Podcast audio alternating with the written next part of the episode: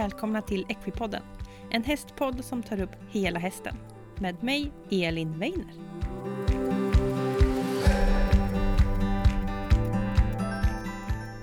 Hej alla underbara Equipodden-lyssnare och varmt välkomna till dagens avsnitt.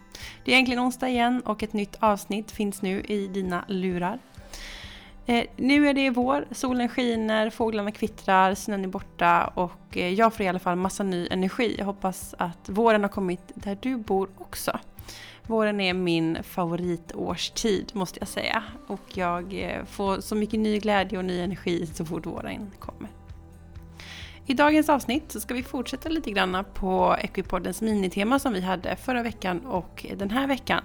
Och det är nämligen miljöträning. Och vi ska få träffa Ulla-Karin Karlsson Lindqvist som driver UC Säker Häst.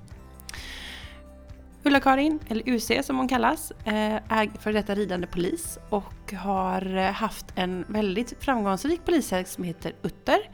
Och den har hon också skrivit en del böcker om.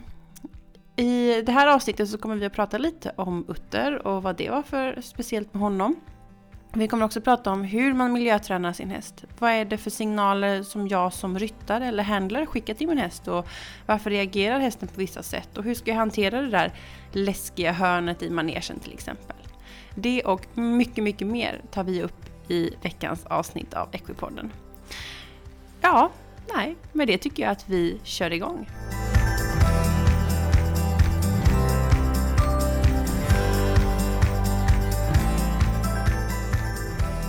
Vad bra, men hej, då vill jag väl hälsa välkommen Ulla-Karin Karlsson Lindqvist. Hej! Mm, hej du! Hej, välkommen till Equipodden! Tack ska du ha! Vad kul att du vill vara med! Ehm, och eh, du arbetar ju med miljöträning och säker häst och du har varit ridande polis i många år. Eh, eller hur? Ja, det stämmer. Jag tänkte att du kunde få börja med att berätta lite om dig själv. Jag eh, föddes i Göteborg, började mitt hästliv kan man säga på ridskola. Det fanns en gammal ridskola som är riven nu som heter Bö. Just det. Där började jag, gick och på den tiden så var det mest gamla militärer som var ridlärare. Mm. och då fick man ju lära sig lite andra saker än man får göra idag. Det var kanske inte så mycket ridning, mera man skulle göra som alla andra gjorde ungefär. Mm, mm. Men eh, jag, mitt största intresse då egentligen, det var väl inte att det skulle gå jättebra på ridningen utan mitt största intresse under den tiden, det var de här hästarna som på något sätt utmärkte sig. Mm. Framförallt varför de utmärkte sig. Ja. Och det var inte populärt, för det skulle man inte ifrågasätta. Mm. Men det har styrt hela mitt liv. Okej. Okay. Och sen eh, skaffade jag egen häst. Eh, jag var 18 år någonting. Mm. Dumt nog. Dumt nog? Dumt nog. Ja. Gjorde jag som tyvärr många gör. Skaffa en treåring. Aha. Okej. Okay. Beroende på att det var egentligen det enda man hade råd med. Just det. När man gör så så tänker man inte på följderna. Mm, mm. Den ska ju ridas in och, och så vidare. Just det. Men i vilket fall som helst så eh, fick jag hjälp och, och så vidare. Så att eh, efter några år, 72, så började jag vid polisen i Stockholm. Mm. Och då fick min häst följa med såklart. Mm. Eh, ja, man åker inte ifrån sin häst. Nej, det gör man inte. eh, och eh, efter ett par år där så sökte jag till rytteriet. Så mm. kom jag dit. Mm. I fem började jag där. Och sen var jag kvar där till 2005. Eh, mm. Det blev ju rätt många år. Ja, verkligen. Stor mm. erfarenhet. Ja. Och eh, när man är ridande polis så har man ju eh, tjänstehäst. Det mm. vet ju de flesta. Och jag hade en häst först som hette Nobel men som trivdes väldigt bra med honom men uh, tyvärr blev han lite dålig benen, knackig i benen. Mm. Och då fanns det en häst som skulle delas ut men som ingen ville ha. Okej. Okay. Han var liten, han var tjurig och lat och istadig sa man. och den hästen tvingade, mer eller mindre tvingade chefen på mig. Aha. Mm. Och den hästen som ingen ville ha skulle sen då visa sig bli den bästa vi någonsin haft. Just det, just det. Den hade jag till, han hade Utter Han gick i tjänst. Jag fick han när han var fem år. Mm. Han var i tjänst, han var 27 och ett halvt år. Ja, det är häftigt. Ja, han var världens äldsta aktiva polishäst i många år. Alltså det, det, det är mäktigt. Det är jättehäftigt. Ja. Och sen eh, så fick jag honom av Polismyndigheten. Mm, när han gick i pension då. När han gick i pension Ja. så fick jag honom. Och eh, vi höll ju på att turnera, dels polis, vanligt polisjobb och dels höll vi på med mycket uppvisningar runt om i landet och även utanför landet. Mm. Och det fortsatte han med fram till eh, när jag fick ta bort honom tyvärr 2006. Då var han nästan 31 år. Ja, det är gammalt. Det är gammalt. För och speciellt för att ha levat ett liv på asfalt. Just det, och ett ganska tufft liv också. Eh, Ja. Mycket jobb kan jag tänka mig. Annorlunda hästliv kan man väl säga. Ja, eller hur? Mm. Det, det är häftigt. Det har ju varit en fantastisk resa och han har betytt väldigt mycket för dig, jag har förstått. Ja, jag kan väl säga alltså, så här att hela, eh, eller för kanske inte de första åren, men sen så kretsar hela min omgivning runt honom. Mm. Så jag inrättade mig efter honom hela tiden.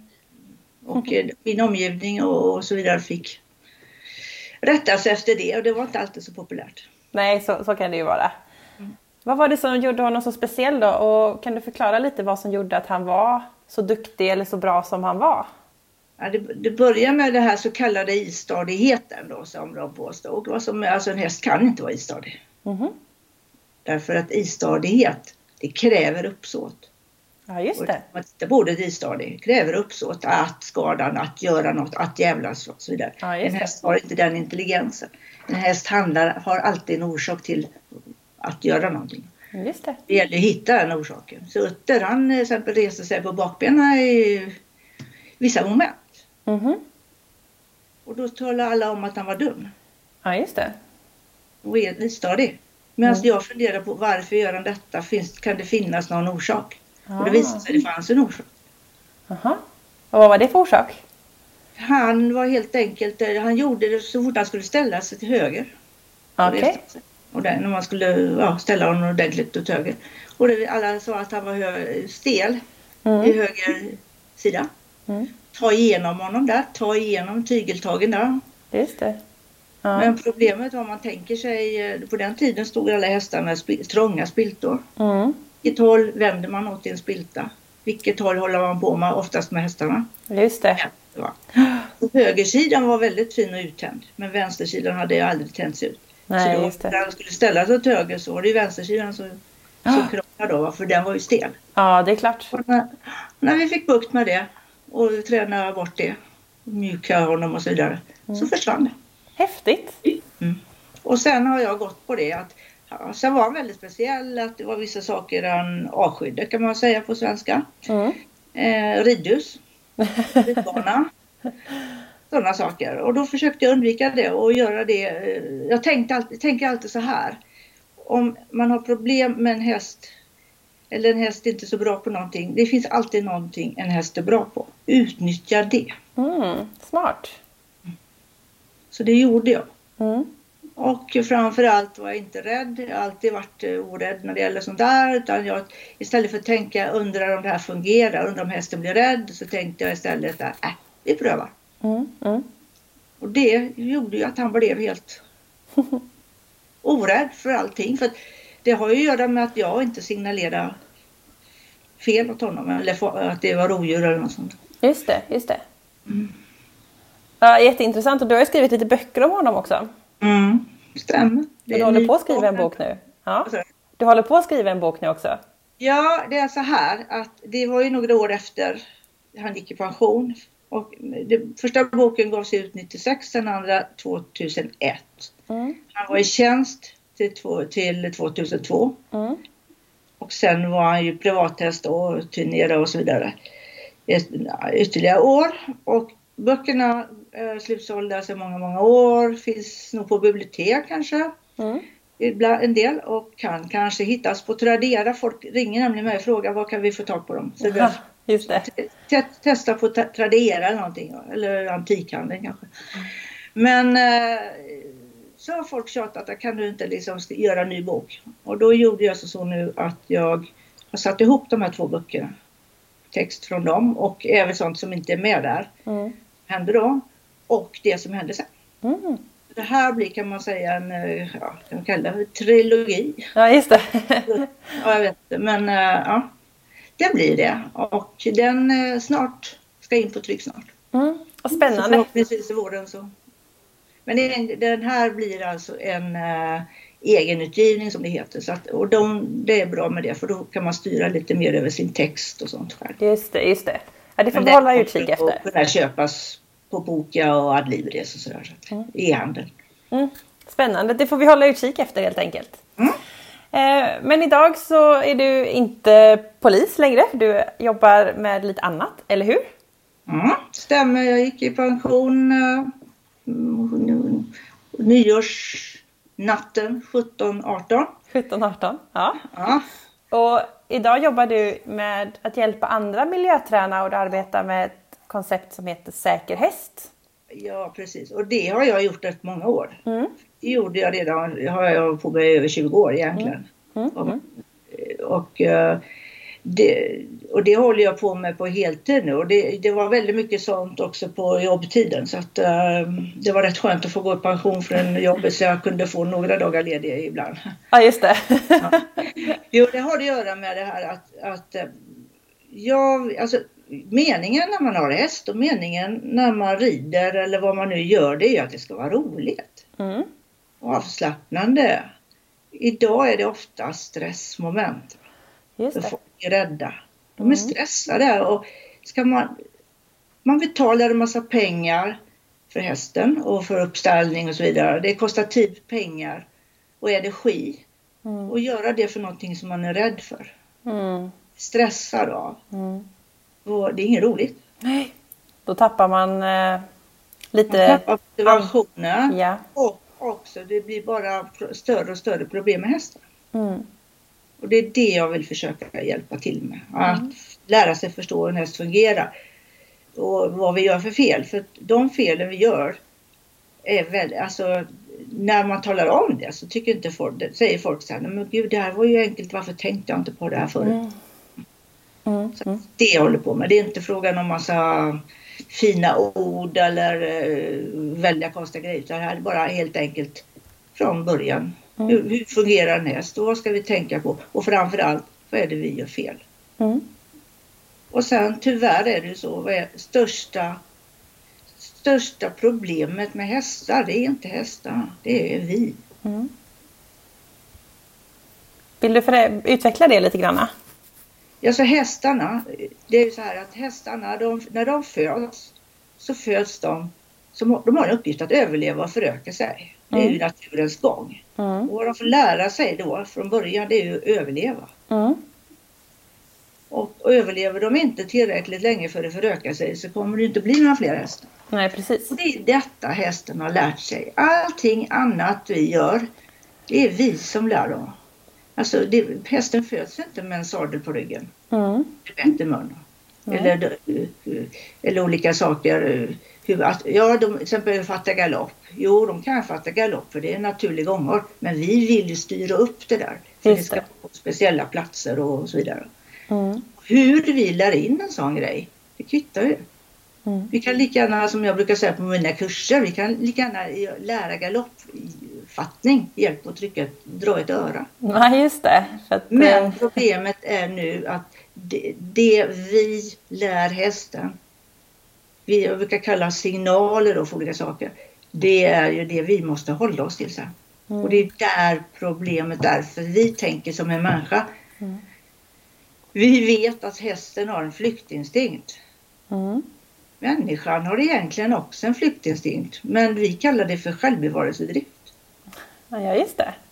Och det har ju faktiskt också med våran intelligens att göra, för att vi kan förutsäga saker. Om vi gör en sak en enda gång så kommer vi ihåg det. Till exempel bränna oss på en ljuslåga. Just det. Vi vet att en bil ute kan, om vi ställer, går ut framför en bil Mm. så kanske den kör på oss och det blir inget bra. Nej. Den väger kanske två ton. Mm. Medan en häst inte har en aning om att det här som kommer emot en bil. Nej. Så den kan ju lika gärna, om den blir rädd, kasta sig ut framför bilen eller från bilen. Just det. Hade hästen haft en intelligens och vetat att det här är en bil och den väger si och så. Nu hade den inte gjort det. Och det är Mm. detta vi måste tänka på. Mm. Att det vi lär in måste vi hålla oss till och sen måste vi förstå att hästen kan, vet inte att det är bilar, att vi är människor eller hästen vet ju inte ens hur den själv ser ut. Eller att den är häst. Mm. Så om du rider i ett ridhus och med en spegel. Mm. Det finns ju hästar exempel som har hoppat genom speglar för de har tolkat spegeln som ett ridhus. Alltså, Ja, precis. Men om de då går fram till en spegel och så ser de sin egen spegelbild. Mm. Då vet de inte att det är de själva. För hästen har, har inte den intelligensen att veta att det här är jag. Så här ser jag ut. Utan hästen ser, de präglas ju på omgivning, utseende och så vidare, rörelse och så vidare. Och det, gör, det är ju det mamman lär dem och som hela livet, prägling. Mm. Och de upptäcker då att det är någon som ser ut som en flockmedlem, en ny flockmedlem Mm. i, i spegeln. Om nu våran häst, eller min häst, har en väldigt hög rang. Vad möts den av för rang i spegeln? En hög rang. Vad händer då kanske? Ja, då kan de ju ja, eller reagera på det. Som blir lite arg Mm, eller det sparka händer med att benen. speglarna Och... har rykt. Ja, precis. Detta måste vi förstå. Eh, Så hästens naturliga beteende är ju väldigt viktigt att förstå. Tycker du att eh, hur ska vi lära oss det och hur lär vi oss att se de här sakerna och vad är viktiga signaler att titta på? Det är det jag lär ut på mina kurser. Mm. Det är mycket, man kan inte alltså, det går ju inte att se allt. Nej. Men det är många, alltså, många signaler man kan se. Mm. Och, eh, men tyvärr då tolkar ju vi hästens signaler som att de är rädda. Mm. Och jag brukar säga så här att det finns, eh, jag brukar eh, tolka det så här. Det finns, om man tittar på ett rödljus, på ett trafikljus. Mm. Rött, gult och grönt. De tre sakerna betyder för oss tre olika saker. Mm. Likadant för hästen. Mm. Just det, så att signaler kan betyda olika och reagera på olika sätt. Mm, olika signaler, även hur de låter till exempel. Om en häst stannar och, och ofta som tvärstannar för någonting och fnyser. Mm. Då kan man alltså på hur, hur de gör. Mm. Hur, titta på, man kan titta på öron, man kan titta på hela hästen. Hur de, att de uppfattar de det här som någonting som är farligt eller någonting som är, de inte riktigt vet vad det är eller är lite in, till exempel om man plötsligt lägger, tar en toa, rider ett ridhus så lägger någon ut ett toapapper framför den. Och så tvärstannar hästen. Mm. Vad är detta? Är det ett rovdjur? Mm. Vi kan ju, hästen vet ju, vi vet ju att det inte är det. Mm. Men vi signalerar eh, till hästen att "Åh, nu blir du jätterädd. Mm. Eller att hästen blir rädd. Och då har ju vi talat om att kanske då göra fel att det här är ett rovdjur. Det är det jag vill ha bort. Just det.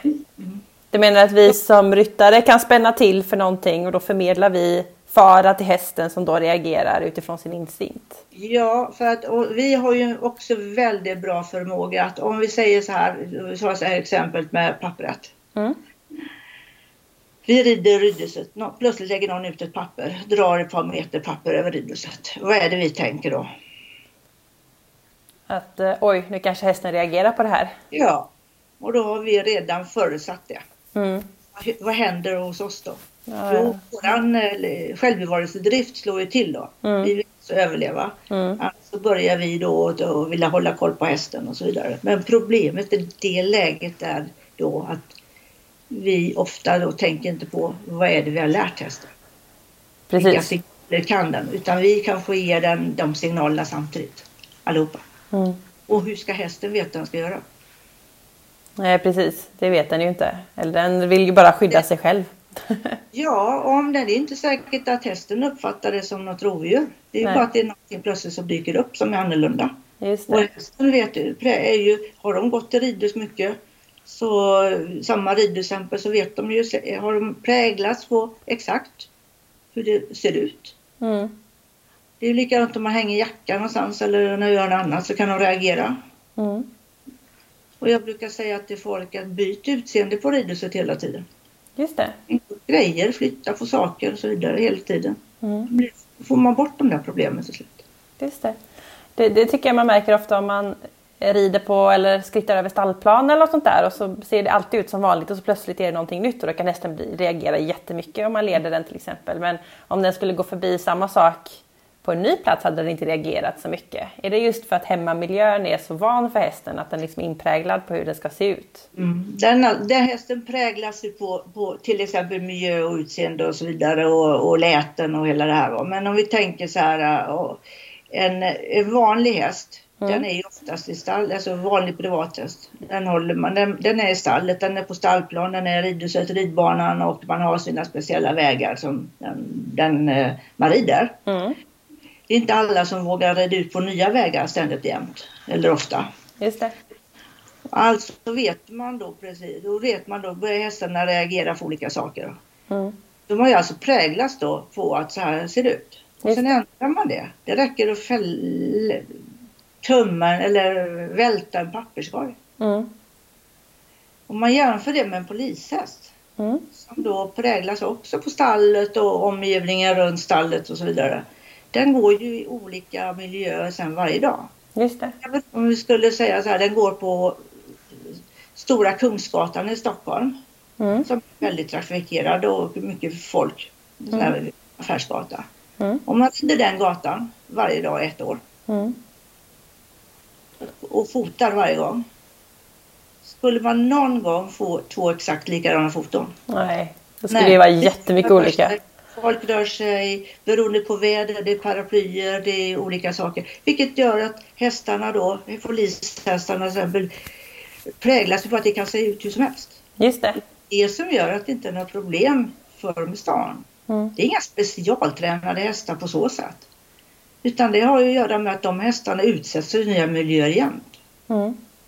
Utte till exempel, han var ju van vid det mesta. Mm. Det kunde, han var med när det landade helikoptrar, stora Vertol-helikoptrar och så fick ju jag med om ibland när det var statsbesök och sånt där.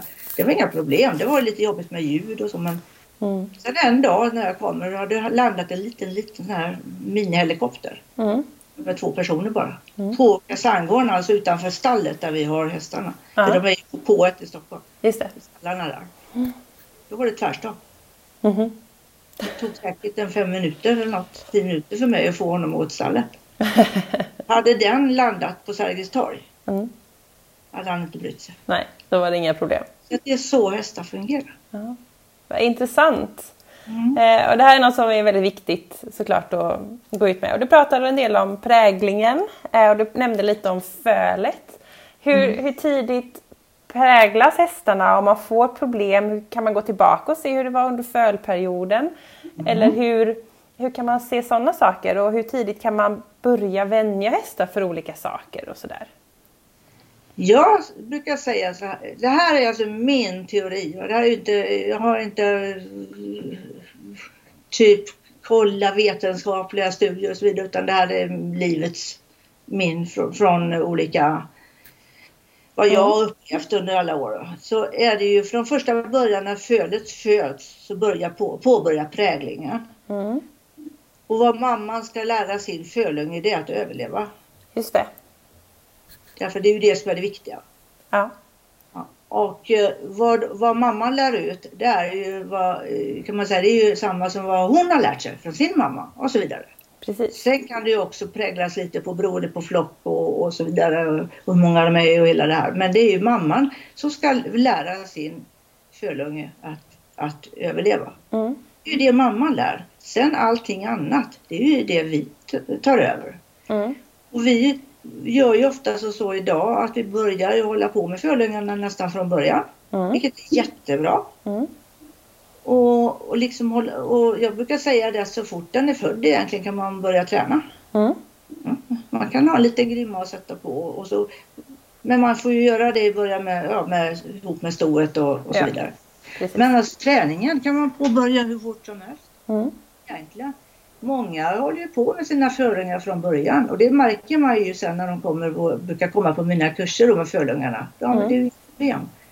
Framförallt fölungar har inte något problem egentligen med olika saker. Därför att den har ju inte blivit negativt påverkad av oss.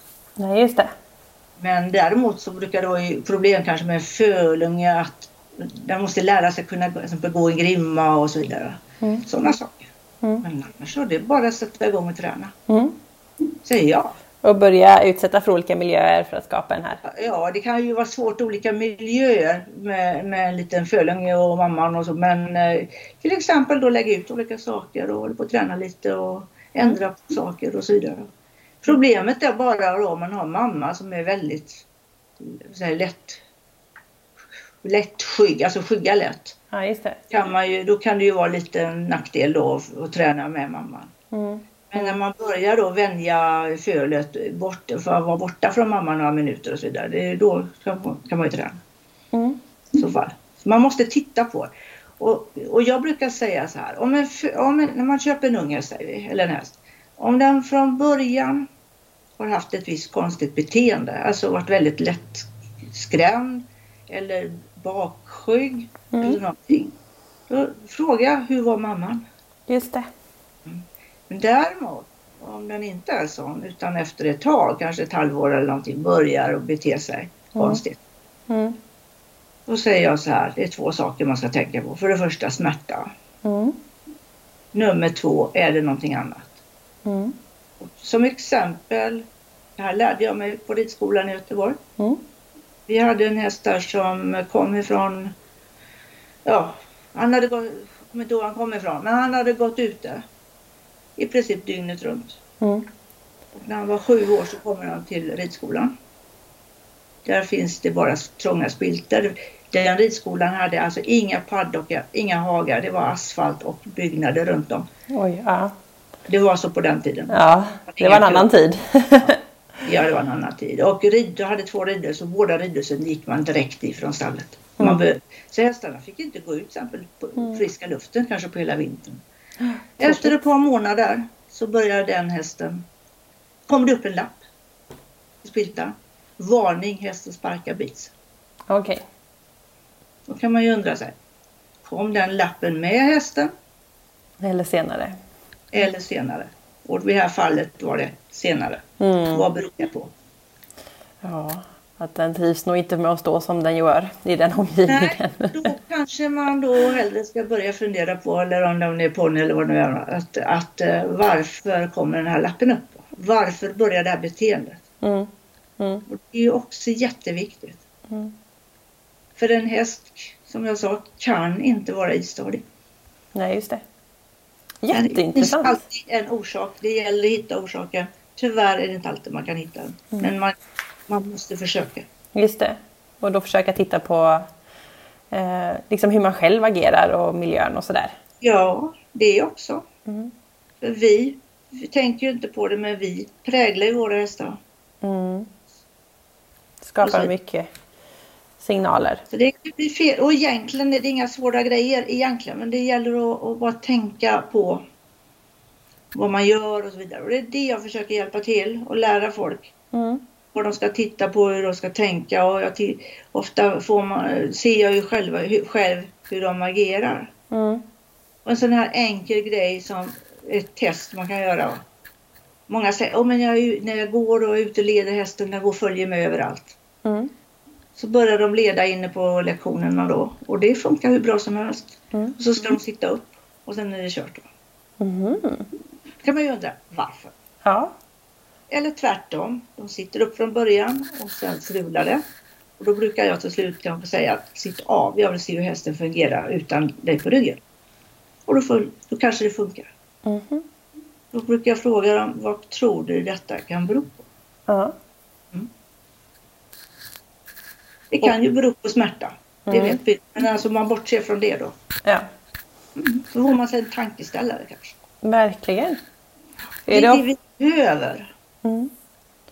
Är, det, är, är det ofta så då att ryttaren förmedlar någonting till hästen som gör att den mm. reagerar på ett visst sätt? Ja, oftast är det som så att jag brukar kalla det som ett tangentbord man trycker på. Man trycker på en tangent betyder det en sak och trycker man på en annan så betyder det en annan sak. Men trycker du och en tredje betyder en tredje sak. Trycker du på alla tre samtidigt, hur ser det ut på skärmen då? Läst?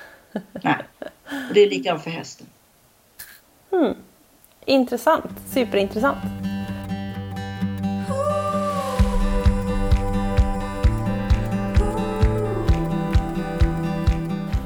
Eh, Och jag tänker om vi hakar på lite det här med, med träna, för du håller ju mycket kurser, först teori mm. och sen både praktiskt och sådär. Mm. Vill du berätta lite om hur det går till när man gör en miljöträning hos, eh, med en häst?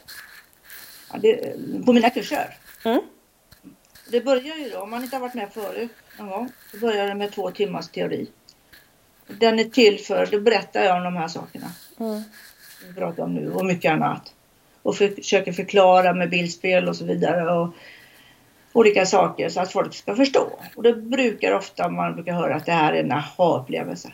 Mm. Därför att varför har vi inte tänkt på det här förut? Mm. Mm. Och det är ju bara det att man måste kanske få en push ibland och börja tänka rätt riktning. Mm. Sen efter det då de som vill, de får vara med då på någon praktisk träning då en timme. Mm. Då får de vara fyra stycken inne. Och eh, då gör man, alltså vad man gör, det är inga konstigheter. Det är lite grann, hästarna ska ut, brukar säga ekipagen då, ska utsättas för saker som de inte har varit med om förut. Det är det mm. bästa. Mm. det är att någonting som är nytt, det behöver inte vara något besvärligt, utan någonting som är helt nytt. För att ryttarna eller ledarna eller kuskarna eller vad det är ska lära sig hur reagerar min häst för nya saker? Hur löser hästen problemen? Mm. För bara att lägga ut ett, papper, ett toalettpapper på backen kan för en häst vara ett problem att nu har någon stängt vägen. Mm. Och sen talar ryttaren om att du ska fortsätta framåt och då måste hästen lösa problem. Hur mm. tar jag mig över här? Mm. Och det är det vi har väldigt svårt för att våga låta hästarna göra. Mm. Men hur gör hästarna i det fria? Mm. När vi rider i skogen till exempel eller vi håller på under granar och så vidare. Då har vi förmåga att låta dem göra det själva. Men så fort vi på ridbana eller annat då, då, då går det inte. Så att det är det, det det går ut på. Att göra mm. olika saker, olika höjder och det ska gå lugnt och tryggt till. Det ska vara avslappnat. Helst på lång tygel. Mm.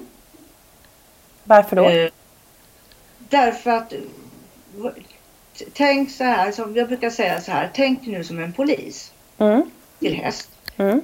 Vi har ett jobb att sköta. Vi ska alltså koncentrera oss på jobbet och inte på hästen. Därför att mm. hästen är våra transportmedel. Mm. Pratar inte dressyrhoppning utan nu pratar bara att ta sig fram. Mm. Alltså glöm hästen. Koncentrera dig på något annat.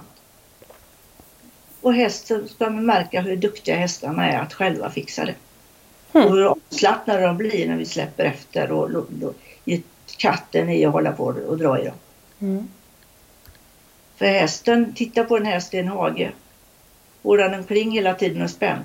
Nej. Det ska vara om det är något speciellt som händer då. Men för övrigt, nej. Och det är så hästarna ska vara när vi rider på dem också.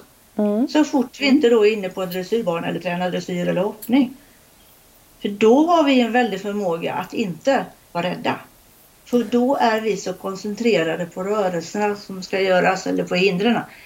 Så att då har ju vi, som jag säger, tappat den här kontrollen på hästen. Då har vi vår koncentration på annat. Mm. Så det är det det går ut på. Mm. Och sen, eh, sen kan man även fortsätta då. Det finns ju en del jag har på med, jag har räknat ut nu snart nio år. Flera gånger per år. Olika ställen. Mm. Och då, det värsta med det, det är ju att hitta på grejer. och det är inte lätt. Nej.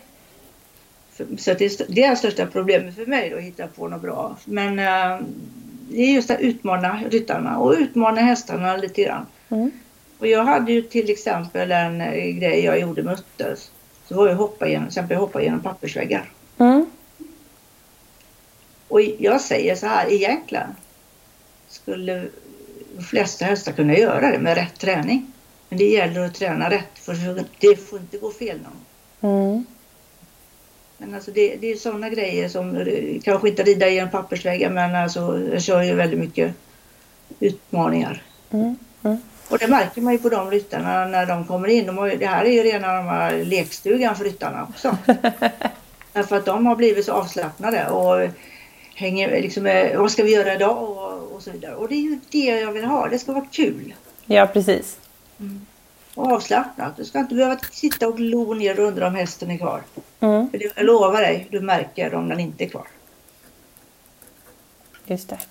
Kan, kan alla hästar bli helt lugna och coola, eh, lite som polishästarna är? Kan alla hästar bli det tror du? Nej, alltså det är inte alla så därför att det, titta på deras, eh, hur mamman och så vidare var. För det mamman har lärt, det som sitter där, mm. det sitter. Mm. Så att har man en, en, en, en, eh, mamma, en märr då, eller, som är på väldiga problem med. Väldigt högt, alltså högt, vi brukar kalla det högt i blod då för att de är stressade och så vidare. Just det. Så är väldigt, alltså finns, finns då hästar efter dem som kan bli bra men sannolikheten är ju mindre. Mm. Därför säger jag så här när vi avlar. Titta på de grejerna först på stoet. Just det. Innan vi avlar. Just det. Är det lämpligt? Mm.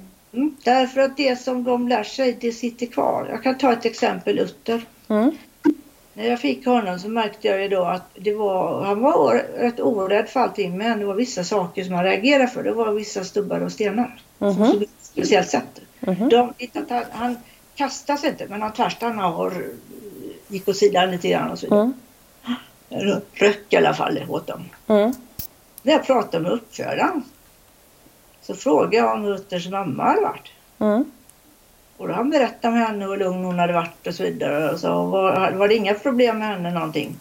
Nej, sa han. Ja, sa han, det var, ja, det var en grej, sa han. han hon reagerade för vissa stubbar och stenar. Ja. och så var det tyst en stund och så säger han. Men jag tänker efter nu, jag hade ju Utters mormor också. Och hon gjorde likadant. och detta då, och Utters syskon hade ju samma mamma då hade gjort likadant. Mm. Jag gjorde även likadant. Detta med stubbarna och stenarna hade Utter kvar även när han var 30. Ja. Det var intressant. Så det går inte bort. Mm. Men vad jag gjorde då när det var, jag gjorde ingen affär av det utan jag bara strunt, låtsas som det, strunta i det bara. Mm.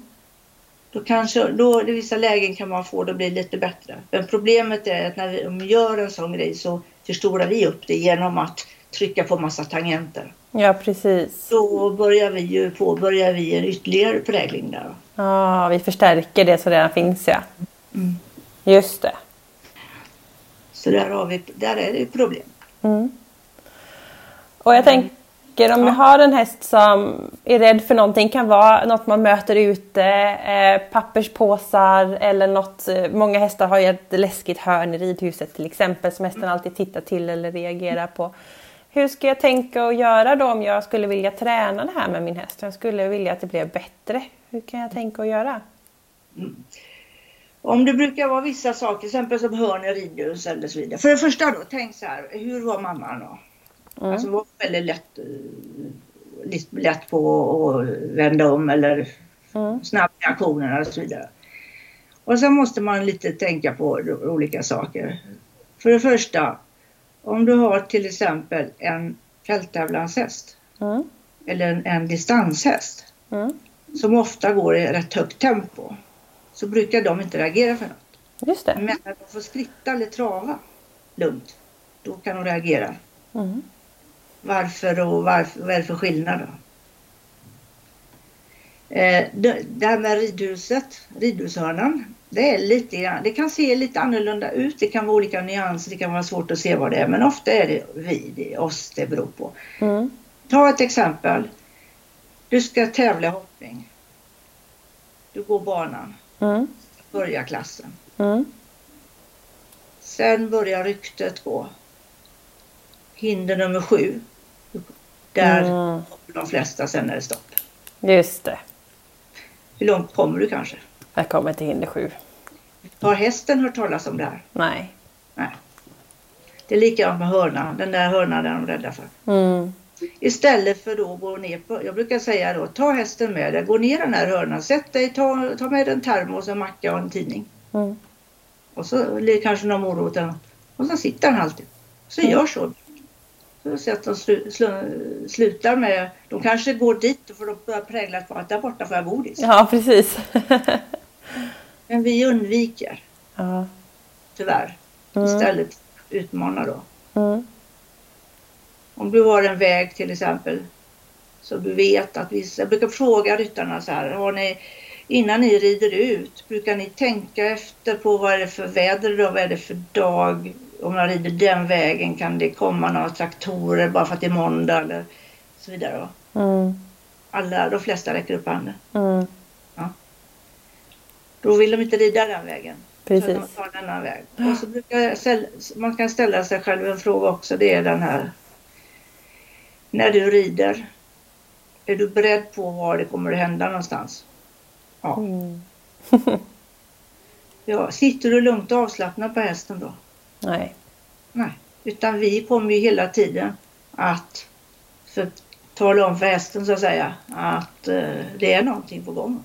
Mm, mm. Och det är ju det som är problemet, våran självbevarelsedrift. Mm, just det. Och hur ska man komma och göra då? Jo, jag brukar råda då att ha, ha en rem runt halsen på hästen. Håll, håll i den med ena handen och tyglarna i andra handen. Mm.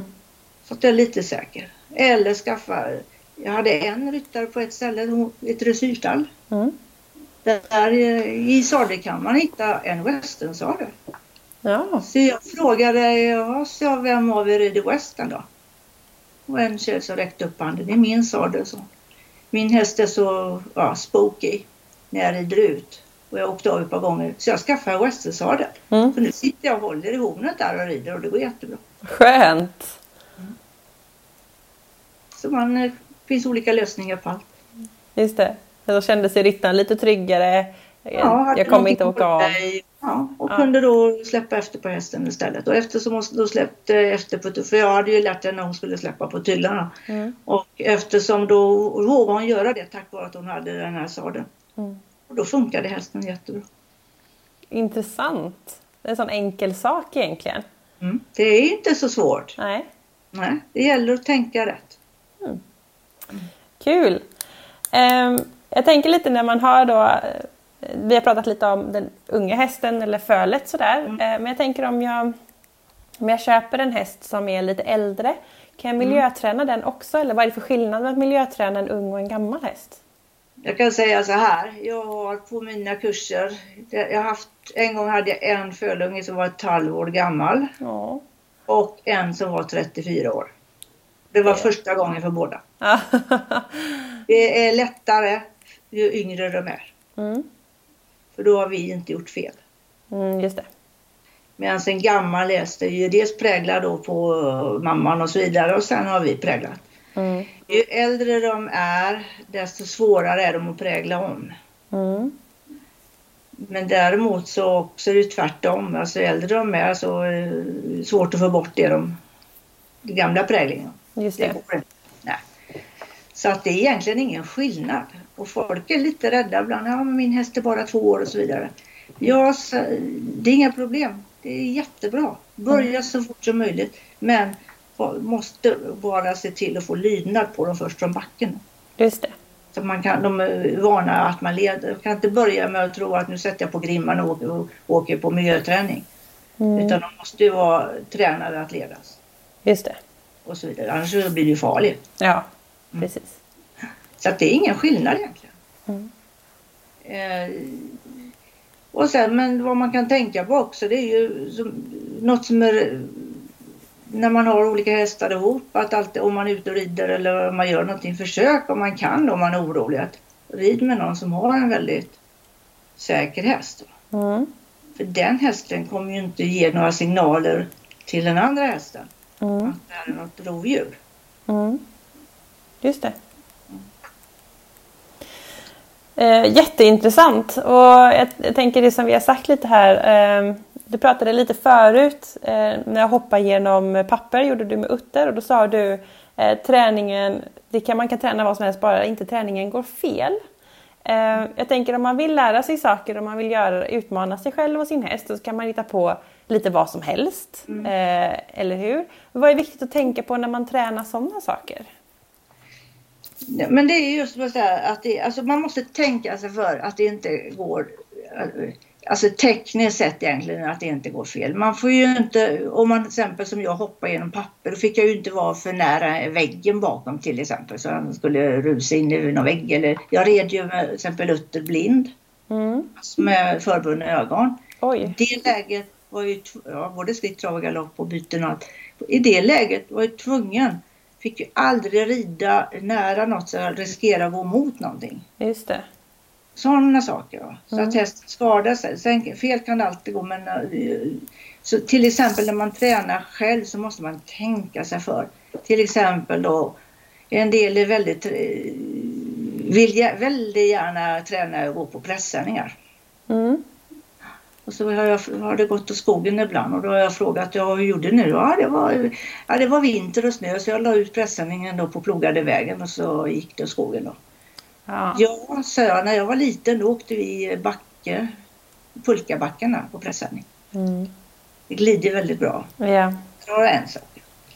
Och sen likadant att se till att ha hjälp när man gör det. För om till exempel går nu, att inte någonting fladdrar iväg. Just det. Inte alltihopa. Utan man håller i alla grejer man tränar på och så vidare. Det är sådana där saker som är så viktiga. Mm. Som man inte tänker på. Och likadant det här om en häst tvekar för någonting. Mm. Att hästen kanske inte förstår att det går att gå här. Mm. Vi måste då visa dem att det går att gå. Och hur gör vi det? Mm. Mm. Och det kan man ju folk fundera på. Gå själv först, ja möjligtvis. Men sen ska vi rida på samma sak. Mm. Och det är så enkelt i så fall att få en häst att förstå. Till exempel om man säger en pressändning. Mm. Gå inte, lägg inte ut den och gå. Börja med att rulla ihop den som en bom nästan. Och så får mm. hästen gå Och sen gör vi den bredare, bredare, bredare. Så hästen får gå över. Hästen lär sig, här går det att gå.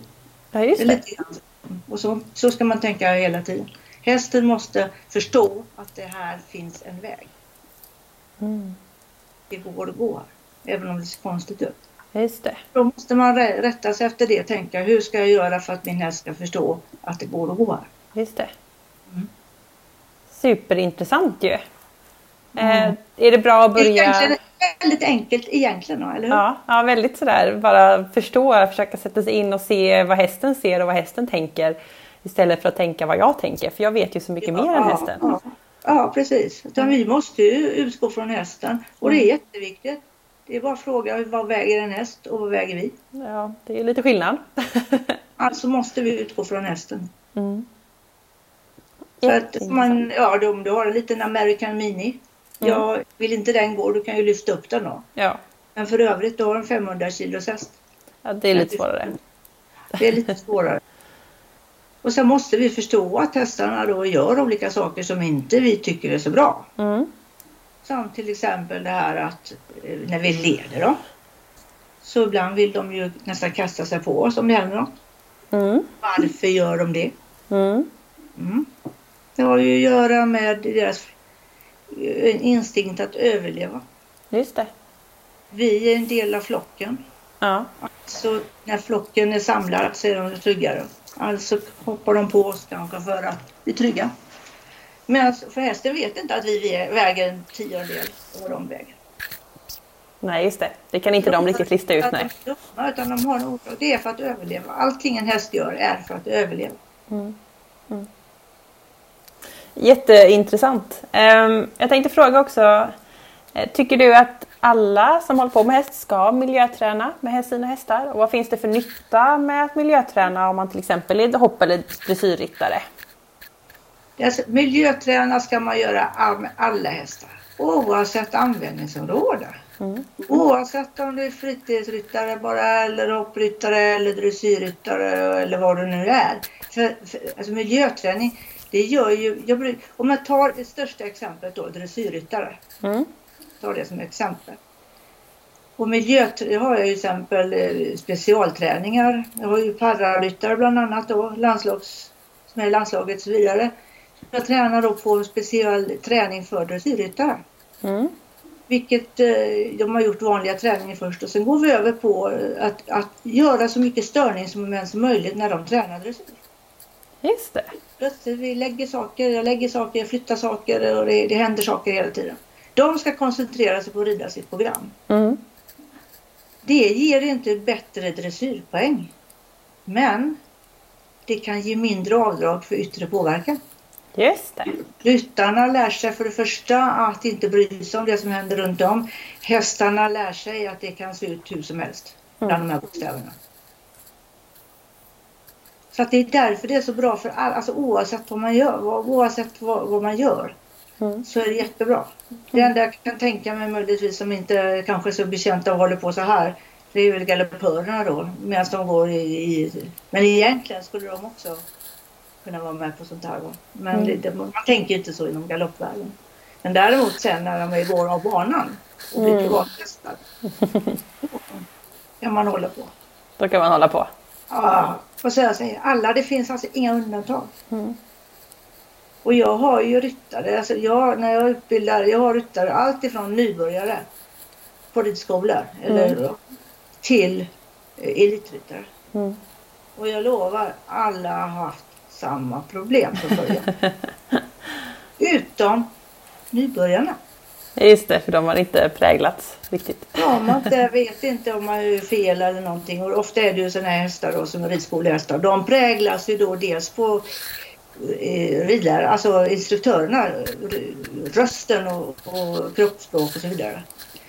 Så att det är därför ridskolehästarna kan vara lite problem att rida när man är ensam med dem. Just det. Mm. Men alltså de, de som är lättast och helt orädda, det är de små ungarna. Ja. Det är rätt roligt att se. de kan man sätta på hästar som ingen annan eh, får att gå över papper. Men den här lilla ungen. Då går det. Ja. Häftigt. Mm. Eh, jätteintressant. Eh, nu har vi pratat om massa spännande intressanta saker och Eh, verkligen tack Ulla-Karin, du har gett med dig massa med intressanta tips och tankar kring det här med miljöträning och, och att kunna ha en mer säker eh, hållning till sin häst. Mm. Det eh. som jag vill tillägga som är det viktigaste av allt, mm. det är inte att man ska rida någon äventyrsbana. Nej. Utan det man gör måste man göra på rätt sätt. Mm. Det är inte frågan om att man ska klara av ett, att häst, man ska råka, lyckas ta hästen förbi något utan det ska vara avslappnat. Mm. Och på lång tygel. Mm. Och varför? Jo, jag brukar säga det. Det kommer en morgondag. Mm. Och har man då lyckats få förbi en häst någonting, kanske halvt med svansen mellan eh, benen bak på hästen och spänd och så vidare. Hur blir det nästa dag? Mm. Eller nästa gång. Mm. Men vet man att det här, är, det här klarar min häst alldeles själv. Mm. Det är bara för mig att åka med. Då tappar man det här om det blir något nytt. Mm. Nu är det något nytt här. Ja, ja, det fixar sig. Mm. Det är viktigt. För jag vet många idag, de, det är jättebra. Det finns mycket sådana här så kallad miljöträning och de kallar det för säker, modiga hästar och allt vad det är. Jättebra, men eh, det får inte bli äventyrsbana av det hela. Det är i alla fall inte det jag gör. För mm. Det går inte ut på att man ska göra så spännande saker som möjligt. Utan det är för att man ska göra det så tryggt som möjligt oavsett vad mm. det är. Där är liksom, jag har ju sett, när jag började med det här på, jag vill säga början på 2000 då med säkerhet. Och nu. Mm. Så det är roligt för jag ser ju det här i banorna jag bygger upp och hindren. Det, det kommer ju i repris. Ja. Och vilket är jätteroligt. Men man får aldrig glömma syftet med det. Att kunna läsa av hästen. Just det. Mm. Gå tillbaka till grunden och förstå hästens beteende. Varför reagerar ja, den på det här sättet? Ja, man gör det. Verkligen titta på då hur ryttaren gör och så vidare. Och se. För att det är ju, syftet med det, det är ju att få en, en säker häst och en, ett tryggt ekipage. Mm, mm. Ett tryggt ekipage blir ju oftast också ett mindre skadeutsatt ekipage. Det går ju inte att säga att det är 0 procent. Men det kan dra ner skadorna mycket på grund av att man inte i vissa lägen kanske man slipper att bli utsatt för vissa situationer tack vare att man gör rätt. Mm, mm, mm. Jätteviktiga saker att, att, prata om och ta upp. Mm, mm. Men eh, vad härligt Ulla-Karin, då har jag egentligen inget mer och jag tror jag har fått med jättemycket saker. Tack så jättemycket för att du ville vara med i Equipodden. Eh, jag tänkte allra sista frågan eller avsluta med, om man nu tyckte det var intressant det du har pratat om här idag, hur skulle man kunna få kontakt med dig eller följa dig? Jag, eh, lättast att följa mig det är på Facebook. Mm. Då har jag en sida som heter UC, alltså U-C, mm säker häst. Mm. Sen har jag en annan sida lite som heter Säker häst bara. Mm. Annars finns jag, har jag en hemsida som heter eh, sakerhast.se. Mm. Där lägger jag ut uh, en del och sen så kommer jag lägga ut också för Facebook nu, många frågar när nya boken kommer. Just det. Den kommer att heta Polishästen Utter från början till slut. Ja. Men det kommer jag att lägga ut på Facebook också. Mm. Så att, uh, att folk liksom står på kö redan. Ja. Kul! Så att, uh, ja, de, det är så här jag har lagt ut att nu kommer den och då blir jag nermailad eller. Det är lite roligt faktiskt. Ja, vad häftigt. Eh, jag länkar också i poddbeskrivningen för er som lyssnar på det här att ni kan kolla in där. Eh, men då Ulla-Karin, då säger jag tack så mycket för att du var med i podden. Tack